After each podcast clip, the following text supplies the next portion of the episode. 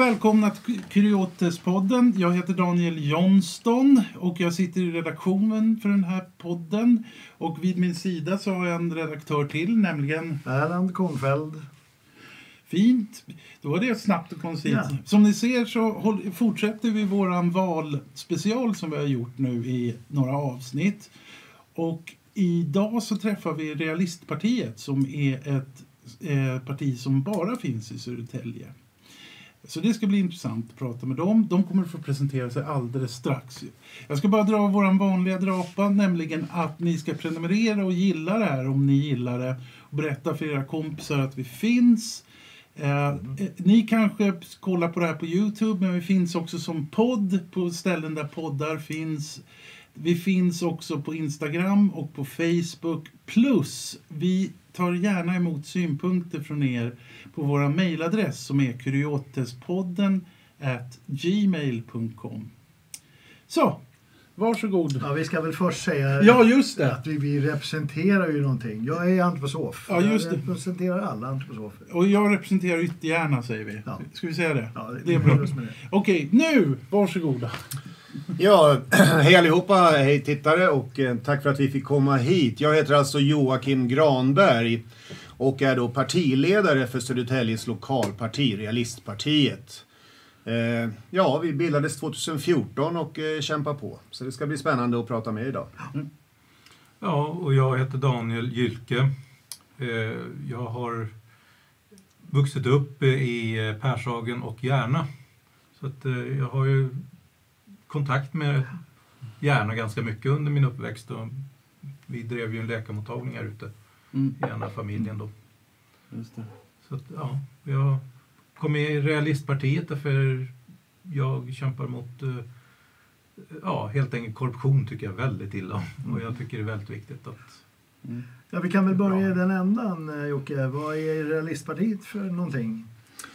Ja, alltså Realistpartiet är ju, bildades ju 2014 utav ett gäng eh, Södertäljekillar kan man väl säga. Det var jag och några kompisar som drog igång det våren 2014 och, och i, i början så var vi ju väldigt centralt bara. Det var ju liksom centrum och småföretagarna i centrum, eh, eh, mycket vänner och bekanta som gjorde att vi fick ihop de här första rösterna som krävdes för att få ett mandat och faktiskt ta oss in i, i kommunfullmäktige och det var väl eh, både, både en, en chock och roligt. Eh, så att, eh, ja, sen dess har vi ju kämpat på och i, idag är vi ju mycket mer etablerade såklart. Vi sitter ju med då i 28 uppdrag i kommunens nämnder och bolag.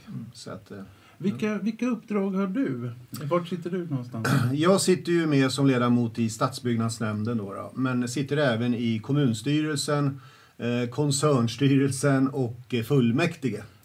Så att det, det är de uppdragen som jag har. Daniel, du har inga uppdrag nu, va? Nej, jag har precis blivit aktiv. Just det, precis. Jag har stöttat Jocke länge men Ja. precis kommit in i det. ja, du kandiderar för hösten då. Ja. Vilken, vilken nämnd skulle du vilja vara aktiv i om du fick bestämma själv? Det Oj. får man ju kanske inte alltid, men... Ja, jag, alltså, jag måste ju säga vilka som jag är intresserad av. Jag är intresserad av byggnad och jag är intresserad av miljöfrågor. Mm. Och sen så är jag väldigt intresserad av eh, de medicinska sakerna och vad som händer. Det vet jag inte var man hör hemma då riktigt. Nej. Så det, Jocke kan nog mer om det där. Jag är mer entusiastisk. Ja, men lokalt så är det ju eh, Järna kommundelsnämnd som är också Precis. aktuellt. Där har du ju, eh, den är ju som ett fullmäktige. Du har ju allting där, byggnation och sjukvården eller ja, hela biten. Men vad var din drivkraft 2014? Alltså, varför ville du hoppa in i politiken? Ja, alltså det där är ju ganska spännande för att jag funderade på att starta ett parti redan 2010 men då var jag så pass, jag var inte insatt så jag var ju för sent ute. Man ska ju registreras i april redan. eh, Fast valet då är i september. Och, så jag gick och grunnade på det där och, och lyckades få ihop ett gäng då, för du behöver ju ett visst antal namnunderskrifter och sådär. Och, och drivkraften var väl egentligen att, ja, jag var ju för gammal för att gå med i ett ungdomsförbund. Eh, och, och, och liksom jag var för ung för att gå med i senioravdelningen. Va? Och, och så kände jag så här att jag, jag brann för så mycket frågor som just då, 2014, rörde centrum. Eh, och de aktiviteterna. Jag ville öppna upp Maren för småbåtar och turister. Eh, jag ville hjälpa till så att det var lättare att få uteserveringar, öppettider för restauranger. Alltså då var, levde jag ju i restaurangbranschen och i den världen. Sen har man ju så att säga mognat. Man tar ju ett ansvar. När du får ett visst antal röster och folk har röstat på oss, mig och mitt parti så blir man ju för medveten om att ja, men nu måste jag ju ta ansvar. Alltså det här är ju inte på skoj längre. Mm. Mm. Och då måste man ju bli insatt i andra frågor. Jag menar i äldreomsorgen, i eh, hur gatorna sköts, hur skolan fungerar, hur tryggheten ser ut i Södertälje. Så man växer ju in i rollen måste jag säga. Eh, med förtroende så kommer ansvarskänslan och till slut så känner man så här att ja men det här är ju också roligt. Alltså för mig är det ju, Mm. det här är ju det jag brinner. Jag har ju haft byggfirma och städfirma vid sidan om. Men, men just nu så satsar jag ju bara på politiken. Sen så, kom, så kommer ju väljarna avgöra om jag ska återgå till, till min bygg och städfirma eller om jag ska få fortsatt förtroende och sitta kvar i fullmäktige och få lite uppdrag då. Så det får vi se. Vilka frågor går ni till val på? Vilka är de viktigaste frågorna för Realistpartiet i den här valrörelsen? Ja, alltså vårt fokus har ju landat i bostadspolitik. Eh, jag tycker att människor ska ha råd att hyra en lägenhet av Täljebostäder. Mm. Eh, och sen så har vi då eh, kultur och fritid och där är det fokus för oss då på ungdomssidan. Mm. Att vi anser ju då att man ska fokusera mer och ge bidrag till de som faktiskt aktivt är ute och tar hand om våra ungdomar. Jag vet en förening som har läxhjälp, de har nattvandring, de åker och hämtar unga på stan när föräldrarna eh, ringer dem och är oroliga. Mm. De sökte stöd 30 000 för att de behövde renovera sin lokal och utöka för fler ungdomar och fick avslag. Alltså för mig är det, det är helt galet. Då kan man ösa miljoner då på, på kanske lite finkultur då som jag upplever det. Medan den verkliga satsningen ska ju vara på att hålla ungdomarna borta från gatan. Så, så där känner jag, det är en stor prioritet för mig. Om jag ska nämna två saker. Mm. Och namnet förpliktigar ju. Ja men du, det där är en rolig historia. Eh, Du vet när man ska bilda ett parti och så sitter jag så här då med några kompisar. Ja men herregud, vad ska vi heta? Ska vi ha en blomma eller ska vi ha en symbol? Och, och så börjar man ju kolla på vilka färger som är upptagna till att börja med. För du kan ju inte ta en röd eller en blå färg. Speciellt inte om du försöker vara realist. Va? Och, och då satt jag och sa jag så här, men vad är realistiskt? Ja, sa polarna. Ja, vad är realistiskt? Ja, men realistpartiet. Ja, men vad, vi, vi, vi struntar i ideologierna, vi fokuserar på lösningar. Pragmatiska realister. Ja, då var det jubel i lokalen. Och, och sen då så ska vi hitta en blomma va. Ja, men solrosen är väl fin va. Vi, är ju som, vi kommer ju som solen va. Glada i hågen. Ja, men då blev det ju ingen solros utan det blev en Garbera Daisy som faktiskt är släkting till solrosen. Eh, Och den finns ju faktiskt i väldigt många färger. Du kan ju ta en Garbera i, i väldigt många olika färger. Då kände vi att det är ju vi. Vi kommer ju från massor med olika färger vad det gäller rikspolitiken. Men vi enas om att vi, vi älskar våran stad och våran kommun och, och vi brinner för att göra bra saker för, för invånarna. Och då blev det Realistpartiet. Jag har fått mycket skit. Alltså en del säger så här, ja men varför hette ni inte Södertäljepartiet eller något sånt där? Ja men det fanns ju redan eh, ett Södertäljeparti, även om det är nedlagt. Mm. Och så kände vi så här att nej men vi är inte låsta vid, vid kommunen Södertälje. Jag menar du har ju Järna och du har ju Höle Mölnbo. eh, Vi är inte ett centrumparti längre. Utan vi är lokalpartiet även för er som bor här ute. Tänk på det. Vi, ska, vi ska återkomma till det där med ideologi lite Mm. senare, för det är en jä, jätteintressant fråga. Den. Eh, jag tänkte, vi brukar ta med en sån här ultralokal fråga också. Och då har vi valt att eh, prata om det här med exploateringen av Södertuna och vad som Mm. ska hända med det området. Vad är Realistpartiets take på den frågan? Alltså vi är ju absolut inte eh, företagsfientliga på något sätt. Men jag anser att det här är en felsatsning. Eh, vi har ju jättemycket industriområden tillgängliga i Södertälje. Vi, har ju, vi håller på ute i Almnäs, det finns fortfarande plats där. Vi håller på och är rent ute i Veda där vi ska rensa upp och skapa industriplats. Eh, alltså det finns fortfarande ytor som redan är planerade industriområden, som redan finns tillgängliga. Järna är ju en mer tillflyktsort för de som kanske inte vill ha en industri runt hörnet.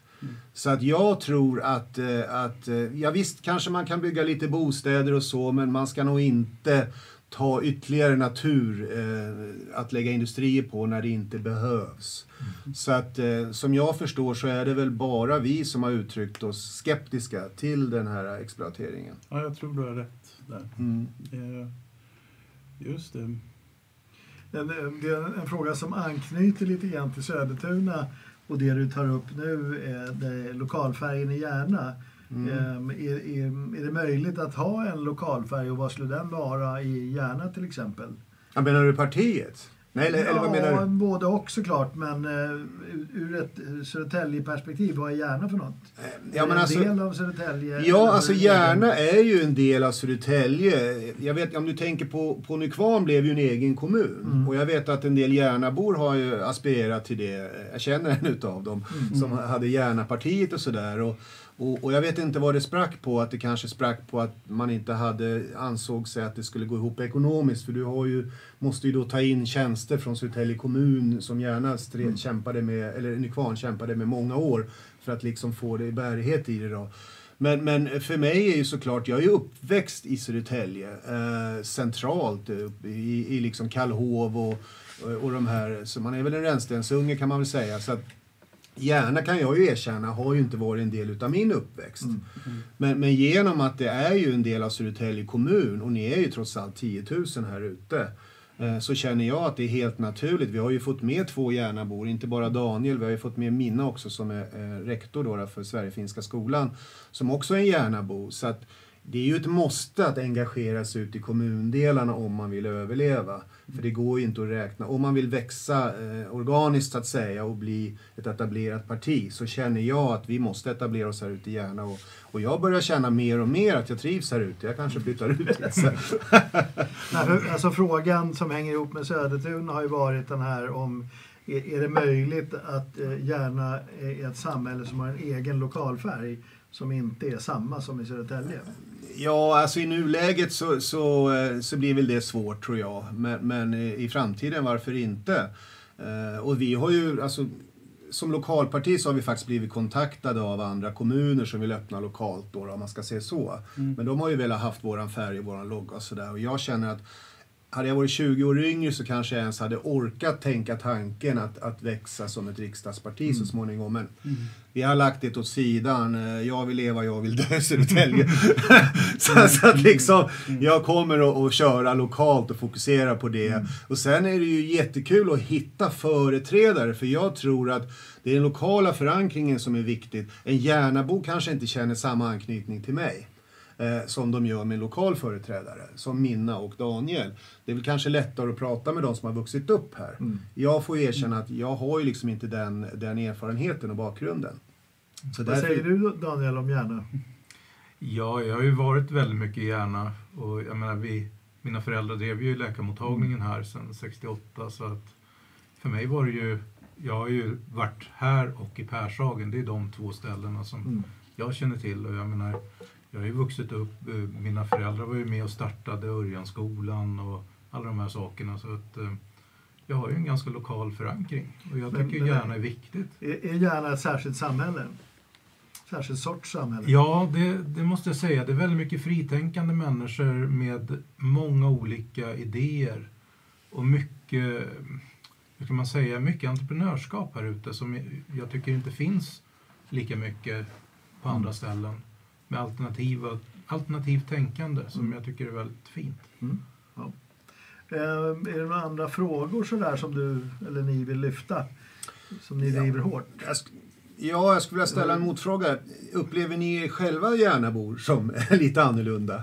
Eh, Eller alltså att det är någon speciell Järna-anda som ni, ni känner att ni har här Nej, alltså, om jag ska uttala mig personligen då som gärna bo så är det väl inte att man blir någon annan sorts människa. Nej, nej. Men karaktären på hjärna, Mm. den, den upplever jag nog lite annorlunda. Alltså det, det börjar ju med att både Konsum och Ica som är vanliga affärer, men Mm. går du in där så är deras utbud är ju väldigt annorlunda jämfört om du går in i de flesta andra Ja. ICA och Konsumbutiker vad det gäller ekologiskt och biodynamiskt odlade produkter. Så det är väl en sak.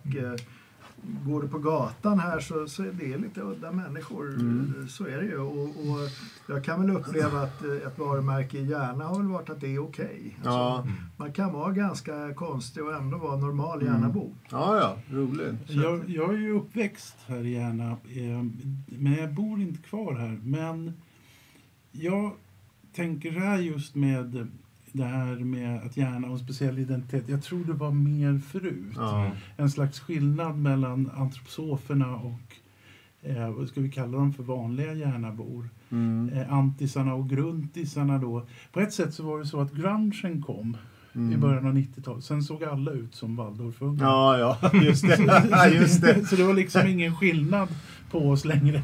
Ja. Eh, Det, det var lite sådär, så det är väl ett sätt. Så jag tror också i det här arbetet med podden och, och man pratar, vi, vi är ju väldigt intresserade av hjärnas Ja. identitet och sådär. Det är en Mm. sån här grej.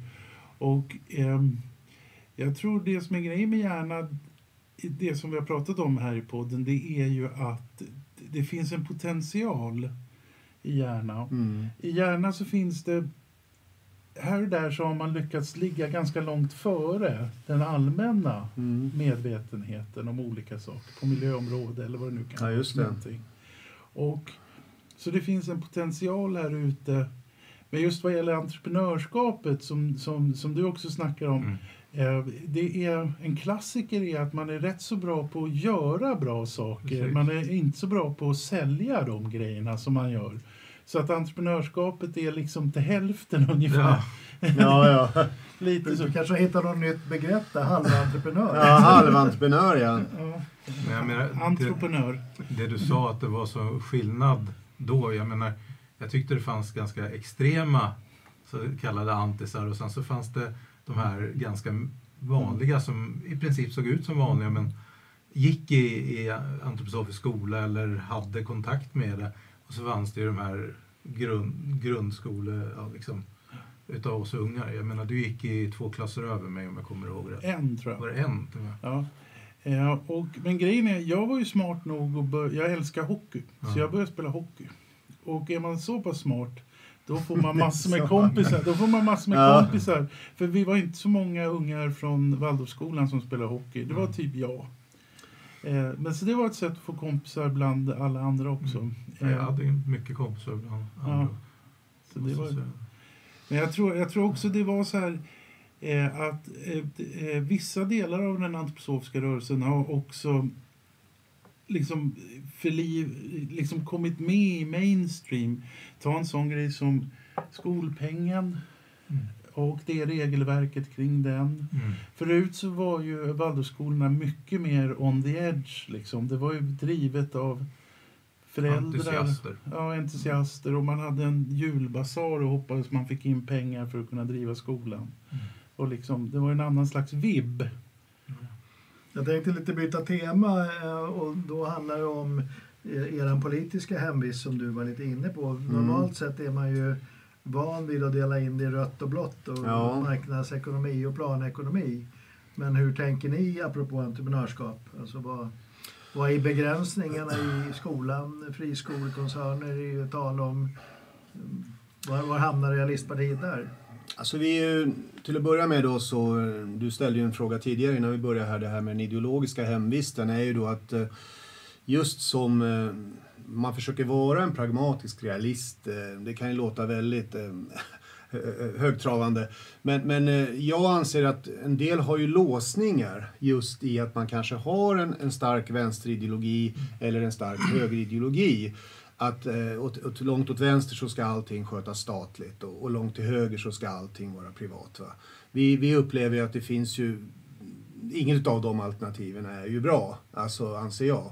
Utan eh, någonstans så lever vi i en värld där jag tycker att man ska kunna eh, leva parallellt. Att det, jag har ingenting emot att det finns eh, friskolor eh, el- eller sjukvård eh, som komplement. Eh, utan det handlar ju om att det är ju samma kostnadsbild. En del människor tror ju att det är dyrare med en friskola. Det är ju samma skolpeng. Eh, och, och jag menar om, om, om det, saker och ting kostar, det är ungefär som du har äldreomsorgen i Södertälje och det, det tänkte jag också ta upp. Det är en av frågorna som vi brinner väldigt mycket för, eh, Mm. de äldre i Södertälje. Men om du tänker då att, att eh, om du frågar de gamla som bor då på, på Marikällgården eller som bor på en kommunal verksamhet, vilken är bäst? Va? Ja, men de är ju ganska likvärdiga. Eh, det, det är inte sämre eh, eller bättre egentligen på något av ställena. Men, men eh, den kommunala kostar dubbelt så mycket. Alltså den kostar dubbelt så mycket för skattebetalarna. Eh, och då känner jag så här, jaha, ja men då, om jag då skulle sköta plånboken så känner jag så här att varför ska man betala mer för samma vara? Du köper ju inte en liter bensin Ja, den där säljs ju från vänster, då tar jag den för 50 kronor. Men den där säljs från höger, så tar jag den för 25 kronor. Utan man måste ju se, vi har bara en kassa och då vill jag se lösningar som är bra och hållbara, men jag låser mig inte i eh, vart, från vilket håll lösningen kommer. Om det nu är, är, är en vänsterfilosofi eller en högerfilosofi. Men med det sagt så tycker jag vi ska ha en kommunal hemtjänst. Absolut, det tycker jag. Och den funkar bra i Södertälje. Eh, och, vi har haft problem med, med privata aktörer i Södertälje som har missbrukat eh, ja, våra skattemedel i, inom eh, hemtjänsten och olika eh, funktioner. Så att, så att om man nu ska ha de här eh, aktörerna så ska det ju vara rigorösa kontroller och, och se till att det är en seriös verksamhet och att man inte fuskar och, och tillskansar sig skattepengar så att säga från verksamheten. Men, men just det här med att jag förhandlar gärna med en vänsterpartist, jag förhandlar gärna med en moderat. Det viktiga är ju inte vart förslaget kommer ifrån.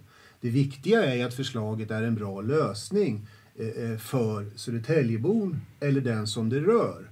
Och jag kan bli väldigt upprörd över, jag har sett opposition i åtta år och det här är någonting som jag vill ändra på. Om vi skulle hamna på styrande sidan så skulle jag aldrig tacka nej till ett bra förslag oavsett var det kommer ifrån. Ja, under de här åtta åren har vi lagt kanske 50 förslag i kommunen. Alla har fått avslag. Eh, och det gäller ju alla partier eh, som inte sitter med i makten. De avslår ju alltså varenda förslag som kommer. Och jag har svårt att tro att 400 förslag under åtta år, att alla skulle vara dåliga. Alltså det, det, det faller ju på sin egen orimlighet. Det kan ju inte vara så att de är så korkade på den sidan. Så att de kan inte komma med ett enda bra förslag på åtta år. Eh, utan vad det handlar om att det är rent principiellt så måste man säga nej till alla förslag som kommer. Och det som gör mig ännu mer, ursäkta, förbannad. Det är då att när man säger nej till någonting och sen tre år senare så genomför man det ändå. Och då säger jag så här att, ja men det här har ju vi föreslagit. Ja, men du vet att eh, då har man inte svarat på våra motion. Eh, utan då ligger ju den längst ner i högen. Så gör man det här efter tre år, sen efter fyra år så svarar man. Nej men du vet Joakim, det här har vi redan gjort. Vet du. Det gjorde vi förra året. Ja, men jag skrev i motionen för fyra år sedan. Så att om jag det är ju sitter... inte en gång. Nej, det är inte en gång. Om jag skulle sitta med på en bestämmande sida, och det vill jag säga till alla som tittar på det här. Jag bryr mig inte om om det kommer ett medborgarförslag eller ett förslag från höger eller vänster, så länge det är genomförbart, realistiskt, men ändå bäst för medborgare, så måste man ju ta till sig det. Annars tjänar man ju inte samhället. Annars, Men, ja. men det, det låter ju som att du då, om vi säger i förlängningen, så behövs det bara ett parti, nämligen Realistpartiet. Ja, det där det låter ju väldigt... eh, nej, nej. Alltså jag, jag är för att det finns en mångfald. Alltså så här är det. Bara för att jag heter och mitt parti heter Realistpartiet så är inte jag alltid realistisk. nej, men alltså. Det, det måste man ju erkänna va. Ingen människa är perfekt.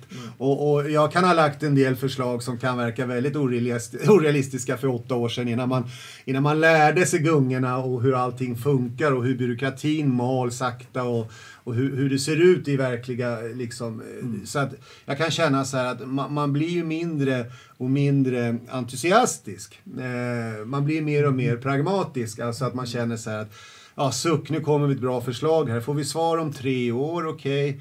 Alltså det är ju inte någonting som går fort och det kan bli frustrerad på. Men nej, det är bra att det finns fler partier. Och jag tror att det är bra att det finns både höger och vänsterpartier. Eftersom någonstans så tror jag att där vi har hamnat i mitten där är ju där majoriteten bor, alltså människor. Och oftast så är det ju någonstans där det blir bäst. Jag tror inte det är bra med extremiteter åt, eh, eller extrema grejer åt varken något håll. Jag funderar på en grej. Jag kollar ju lite. Ni föreslår ju en del. Ni har ju gjort en skuggbudget. Ja, Ehm, och det är strångt gjort att göra en skuggbudget som litet parti. ja tack. Eller hur? Eftersom man inte har de resurser som större partier Nej, har. Och det la ner en hel del timmar. Ja, jag kan tänka mig att ni gjorde Men det- tror du det kan vara en slags eh, problem för er? För när jag ser förslagen som ni lägger, Ja. det, det är ju såna helt praktiska, fina förslag. Ja, Men de är ju inte särskilt dyra och det är, inte Nej. särskilt, det är aldrig särskilt mycket pengar. Nej. Kan det vara ett problem? Liksom, förstår du hur jag tänker? jag förstår. Att det är för lite att snacka om på något vis? Eller, jag försöker tänka mig in lite i motståndaren. Jag tror jag har, eh, eller vi har gjort det medvetet. För jag vill Mm. påvisa eh, att med hur små medel Ja, eh, så kan man faktiskt förändra samhället. Och jag tycker att, jag tycker ibland från andra sidan så ser man ju då den här breda penseln. Ja. Att man, man, eh, när vi pratar om till exempel en offentlig toalett i Mölnbo, Ja. då, då känner jag så här, de har ju frågat efter det i 20 år. Mm. Eftersom de har Sörmlandsleden där, de har en tågstation. Och, och, men då när man pratar om i tekniska nämnden, ja men du vet att det är ju den breda, då har de en 20-årsplan va. Ja. Medan jag kan känna så här, fan sätt dit en offentlig toalett. Jag menar hur svårt kan det vara? Kostar 500 000. Mm. Eh, så, så att, ja, och då blir man kallad populist då. För då, då, då har jag ju liksom kommit med en enkel lösning då. då. Men det är därför jag har i våran budget då lagt förslag som jag anser är rimliga och enkla men faktiskt går att genomföra. Mm. Och för den enskilda medborgaren i de här kvarteren som det gäller betyder det jättemycket. Ja, det. Så jag tror att man, man ska nog kanske inte bara måla med den breda penseln utan även dutta lite med en liten pensel. För det är en sån här sak man ibland kan sakna i kommunal ekonomi. Eh, det är, vad ska man säga, eh, det skulle finnas medel som är liksom lite sådär, man kan kanske kalla dem för akutmedel eller snabbmedel eller någonting. En Om det- snabbkassa. Ja, en snabb, alltså om det dyker upp någonting någonstans eller hur? Om det dyker upp någonting, någonting någonstans så skulle man lätt kunna, alltså man kan ta itu med de här små grejerna för att... För att Fantastiskt förslag, tack! Jag ska motionera om det när jag kommer hem. Ja, men jag, för jag, fattar, jag, jag, har ju, jag har ju en jättelång eh, bakgrund inom kulturområdet med Ja. musikföreningar. Med, Ja, ja, ja. Och jag har ibland saknat den typen av, liksom det här, en kassa någonstans som inte är så stor så att den blir ett problem att besluta om. Eller, alltså det, det, jag menar omsätter, vad omsätter Södertälje kommun? Eh, sex- 6,4 miljarder? Ja, drygt 6 miljarder va. Ja. Och sen så köper vi offentliga tjänster för 3 miljarder ungefär. eh, i- Alltså upphandlingar. Och, och Mm. det du säger är, är ju egentligen fantastiskt. För att det jag har fått höra varenda gång är att det här är inte budgeterat. Ja, precis. Och så blir jag kallad för oseriös på grund av att jag säger att ja men kan vi inte genomföra det här? Nej men det finns ju inte i budget, har du inte fattat det? Mm. Eh, och då blir jag så här, ja men suck alltså det finns i våran budget. Mm. Men, men den är ju inte den som gäller va. Eh, men, men det som du säger är, och nu vet jag att det finns en handkassa. Eh, eh, kommunstyrelsens ordförande Boel, eh, vad jag har, nu kanske jag är fel ute, de kanske har tagit bort det, men, men jag vet att det finns någonstans en kassa på några miljoner. Just för oförutsedda utgifter. Eller nu är jag faktiskt säker på att det finns. Men det kanske är så att man håller på den om det, om det är något akut eller något sånt där. Men det finns den kassan. Men idén om att utöka den vore ju bra. Och då kan jag tycka så här att när man la ner 1800-talsveckan eh, så saknade det då 600 000 eller vad det var. Och då är ju det jättestora pengar och det fanns inte i budgeten. Men- Men, när garaget då överskred, när Peab byggde den här infarten till garaget. Vart? eh, ista- eh, eh, nere vid Marenplan eh, Jaha. där man ska bygga eh, ja, runt Maren där. Ja, ja, precis. Då skulle man bygga ju Peab en garageinfart. Då, där. Och då drog man ju över budget eh, på, på 8 miljoner. Mm. Och då fick ju Tage skit som fan, insändare då för att han hade sagt ja men det var väl ingenting, 8 miljoner, det får man väl räkna med va. Eh, och då blev folk förbannade och skickade insändare att han var nonchalant och snackade. Va? Och det, det, då kan jag känna så här, ja men de har ju rätt som blir förbannade om man tycker att 8 miljoner är ingenting men man stänger 1800-talsveckan för brist på 600 000. Då kallar de mig så här, ja men du blandar äpplen och päron. Nej det gör jag inte för det är fortfarande samma pengar som har kommit in. Vi har en kassa. Det vi får in i skatter och, och, och, och bidrag och så vidare från staten. Det är ungefär 6 miljarder som du säger, lite drygt. Och sen hur man planerar de här pengarna, ja. Vi har ju sagt att eh, en reporter frågar ju mig så här, ja men eran budget är ju, utgår ju ifrån pengar som kanske inte finns. Men då har jag ju sagt så här att ja men de här tre miljarderna som vi handlar tjänster för. Om jag skulle få sköta den, det här låter ju väldigt stöddigt. Mm. Eh, men, men så tror jag med stor sannolikhet att jag skulle kunna sänka våra upphandlingar inköpspriser med 10 procent. Eh, och det, och det, vad jag baserar det på? Ja, det är ju forskning och, och utredningar som staten själv har gjort. Att kommuner och landsting generellt sett slänger bort 10-15 procent på sina eh, budgetar eh, på grund av eh, okunskap, eh, samma rutiner, man fortsätter köpa från samma, man kollar inte priserna, eh, kompiskorruption, att man köper av samma gubbe som man alltid har gjort och så vidare. Och där är nackdelen att samma människor sitter på makten för länge. För du får en rutin. Snabbtelefon, du ringer den här gubben. Det funkar. Okej att det är dyrare, men det funkar. Det är lathet också. Jag anser att vi slänger bort pengar på ren lathet. Ursäkta Jag jag... frågade en, en annan eh, vinkel, nämligen det låter lite grann som att ni väljer bort ett antal frågor som då inte egentligen går att reglera på kommunal nivå. Alltså jag tänker skolkoncerner, ehm, andra industrikoncerner, sjukvård, gängkriminalitet och så vidare. Men hur, hur tänker du att realistpartiet skulle kunna ta sig an sådana här integreringsfrågor, kriminalitetsfrågor? Ja, alltså gängkriminaliteten, vi, vi har ju faktiskt föreslagit någonting som heter trygga hubbar, eh, som är också en beprövad metod i andra städer i andra länder och även Uppsala har man börjat experimentera med det. Och det, det är ju för att få ner gängkriminaliteten och allting och det, och det bygger på ett fysiskt hands-on samverkan i, i de stadsdelarna eller kommundelarna där det har en problematik. Och en trygg hubb är ju ett samarbete mellan det lokala näringslivet, eh, socialen, polisen, eh, extra kanske vakter, trygghetsvärdar, kameror och så vidare. Och att de som bor där, föräldrarna, det där är nyckeln. Du måste få föräldrarna att engagera sig. Och om du har en bemanning i den här hubben som vi kallar den och man får ett eget ansvar för sitt område. Har någon klottrat på en vägg? Ja, vem gjorde det? Det vet ju någon av ungarna, det vet ju någon av föräldrarna. Så att man bygger ett eget ansvar i ett område, då sjunker kriminaliteten ganska drastiskt. Men vi har ju också stöttat avhopparverksamheten och allt det här. Men för att komma till din fråga. Varför tar vi inte ställning i, i rikspolitiken? Därför att det är helt absurt att göra det. Vi kan inte påverka rikspolitiken. Och då har vi frångått vårt lokala narrativ. Alltså om jag skulle ta ställning för Moderaterna eller, eller Sverigedemokraterna eller sossarna eller Moderaterna eller vad heter det, vänstern. Då har jag skrämt bort eh, 80 procent av Södertäljeborna. Eh, vi, vi som parti tar inte ställning på, ja, alltså om det vi tar inte ställning i NATO-frågan, för hälften är emot och hälften är för. Vi tar inte ställning i sådana frågor som vi inte kan påverka. Därför det... Vi vill ju lösa lokala problem och det är inte produktivt för oss att, att eh, engagera oss och bli osams om, om en nationell fråga som vi ändå inte kan göra någonting åt. Mm. Om det är ett bra svar. Ja, jo, nej, men det är väl ett tydligt ställningstagande. Ja. Det var ju lite grann där från början. Ja. Ni är ett lokalt parti. Ja, ja precis, precis. Ja. Jag funderar på det där med ideologi. Ehm, eh, kan du inte utveckla lite om hur du ser på det här? Daniel, du får ju gärna också hoppa in ja, på förlåt, jag pratar alldeles för Ja, mycket. Men det du är så bra på att prata. Ja, Men- men jag älskar ju att prata! Har det gått 33 minuter redan? Så det, det är så det. Men, men det jag tänker på med ideologi är ju... Eh, går det att bedriva ideo, alltså politik utan ideologi? Ideologi kan ju också vara en slags riktning eller en ryggrad i Mm politik. Men, men det hade varit intressant eftersom ni skiljer er verkligen från andra partier just genom att ni säger det att ideologi är inte grejen för oss. Så det hade varit intressant att höra hur ni resonerar kring det lite mer utförligt. Nu finns det ju de som hävdar att vi har en ideologi. Eh, alltså, att vara som vi är ju kanske en form av ideologi. Vad skulle det vara? Ja, Populism nej, men, nej, eller men, är de ja, elaka? nej, men alltså, jag har ju blivit kallad eh, högerpopulist till och med utav Boel Godner, vilket gjorde mig faktiskt upprörd.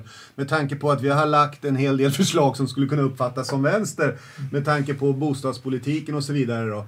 Men vad jag tror, jag tror att hon, hon kanske har förstått att vi får ju väljare från alla håll, så de kanske ville någonstans stämpla oss då för att, eh, ja, Ja, det här med kriminalpolitiken, alltså din, ja, men jag noterar ju att din ryggradsreflex var ju inte fler poliser, hårdare straff.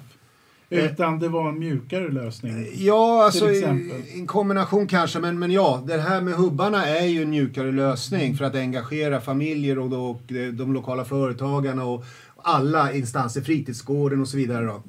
Men sen så kan jag väl se också att, eh, att de som, det finns ju en, en liten, väldigt liten klick av, av kriminella som är så förhärdade, då menar de som skjuter ihjäl varandra.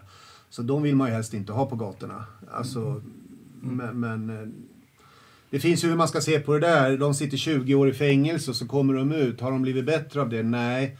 Men sen så ska man ju se på brottsoffret också. Sitter de tre år efter att ha mördat mitt barn, alltså då skulle jag bli helt upprörd över det också. Så att det där är en svår fråga, men också är ju det rikspolitiken. Ja, det. Vi kan inte ta med Södertälje. Förr i tiden hade vi inte en poliskår i Södertälje. Men det, om jag ska säga någonting om poliser så är ju närpoliser bättre. Alltså när det var lokala Södertäljebor som kände ungdomarna. Eh, då, då blev det ju mycket lättare när det kommer poliser från Huddinge och Tumba in och ska avstyra ett bråk i Hovsjö så blir det ju slagsmål. Men när det var närpoliser som kände kidsen, då hade man en dialog. Så det tycker jag är synd att man har tagit bort det. Tillbaka till ideologin. Ja. Ja, vad var jag? Ideologin. Jo, eh, nej men alltså att, att vilja lösa problem. Jag brukar säga så här, om du har en vattenläcka hemma eh, och vattnet sprutar, eh, då vill du ju ha en rörmokare. Är din första fråga så här, du väntar nu, vad röstar du på? Är du vänster eller höger? Jaha, nej, nej men då vet du, då kan du inte laga min vattenläcka. Det är väl ingen vettig människa som säger så. Du vill väl ha vattenläckan fixad? Mm. Och, och, och jag ser ju politiken på samma sätt. På kommunal nivå så har du uppe i Norrland en kommun som styrs av en moderat och en vänsterpartist. Ja, de råkar ju vara klasspolare då och känna varandra. Eh, och då säger de så här, hur lyckas ni med det då? Ja, jag skalade bort den värsta kommunismen och, och han skalade bort den värsta kapitalismen. Någonstans så hittar vi varandra i mitten. Och, och om jag har någon ideologi eh, så är väl det att jag ser mitt uppdrag som att lösa problem. Jag tror inte det ens är en ideologi. Alltså, ja, jag vet Egentligen är det väl att lyssna på folk. Ja, men är en ideologi, har vi någon ideologi? Eh, Inom partiet finns det de som har det. Men alltså om man ska se våran partilinje. Vi har, alltså jag upplever inte som att vi har någon ideologi. eh, Om, om, det inte, om inte vi har uppfunnit en egen nu då. då. Men, nå- någonstans där ni behöver välja är ju i regeringsfrågan. Ja, eller styret i Södertälje Ja, i, i det här fallet. Regeringen i Södertälje. Ja, ja, den lokala regeringen ja. I, I kommunstyrelsen kallas ju för den lokala riksdagen va? och sen har du regeringen. Och där har vi ju en väldigt spännande konstellation i Södertälje för vi har ju halva alliansen då, Centern och KD, eh, som sitter med, med Socialdemokraterna och Miljöpartiet och i Stockholm sitter Miljöpartiet med Moderaterna. Jag känner inte att det viktiga är vilka vi sitter med. Jag tror att det viktiga är att vi får komma in som en, en kraft, eh, positiv påverkan eh, i, i stadshuset. Jag har fått höra av en del som jobbar i stadshuset, icke-politikers, att de tycker att vi är en frisk fläkt och att vi, vi liksom faktiskt vänder upp, upp och ner på saker och ting ibland så att man ser saker från ett annat perspektiv. Då. Men nu vet jag ju att Boel har ju sagt att hon, hon vill ju inte styra Södertälje med Jocke Granberg. Eftersom jag var ju för populistisk då. Eh, eh, och då Men, men, men eh, ur, ur ditt perspektiv så, eh, så gör du då inte som de andra partierna. Du undantar inte Vänstern och Nej. Sverigedemokraterna I princip i, din, inte. i din regering. Nej, i princip inte. Utan jag, jag känner så här, på lokal nivå så är det ju personkemin. Alltså det är ju vilka man ska styra med, känner jag. Om Eh. nu inte Boel gillar dig, vilka gillar inte du? Eh, nej men jag gillar ju alla då. Eh, om jag ska säga någon som jag kan vara lite sur på så är det Boel då. Ja. Eftersom hon säger att hon inte gillar mig. Ja. Och jag tycker det är helt orimligt eh, att hon inte gillar mig. Mm. Nej. nej, alltså orealistiskt. Ja. Eh, nej, nej, men jag har väl varit och hackat på för mycket då, på, på en del av de sakerna som de har gjort. Då. Och, och sen kan jag väl känna så här att, att makt eh, gynnar ju inte demokratin om den blir för långvarig. Alltså när samma människor sitter vid makten för länge så uppstår det kanske, alltså det är ju inte avsiktligt tror jag. Jag tror inte att eh, någon av hennes medarbetare är korrupta. Jag tror så här att så här har vi alltid gjort. Det här funkar bra. Eh, vi kör på. Eh, och sen blir det den här trumman. Och det som jag då upp, upprördes var över bostadsaffärer då som beslutades av tre socialdemokrater och sen så hemligstämplade man affären. Va? Du släpper inte ens in Kristdemokraterna, eh, Miljöpartiet, Centerpartiet, ingen annan och inte sina egna partikamrater heller för den delen. Vad pratar du om? Hovsjö? Ja, Hovsjöförsäljningen. Det var ju då tre socialdemokrater som, eh, eh, som gjorde upp den affären. Eh, plus då eh, någon konsult och en mäklare som fick 11 miljoner. Så att, så att det, det är ju liksom, vad var demokratin där någonstans? När det är tre stycken individer som tillhör samma parti, toppstyrning och de bestämmer att den här aktören ska få köpa det här och dessutom 55 miljoner billigare.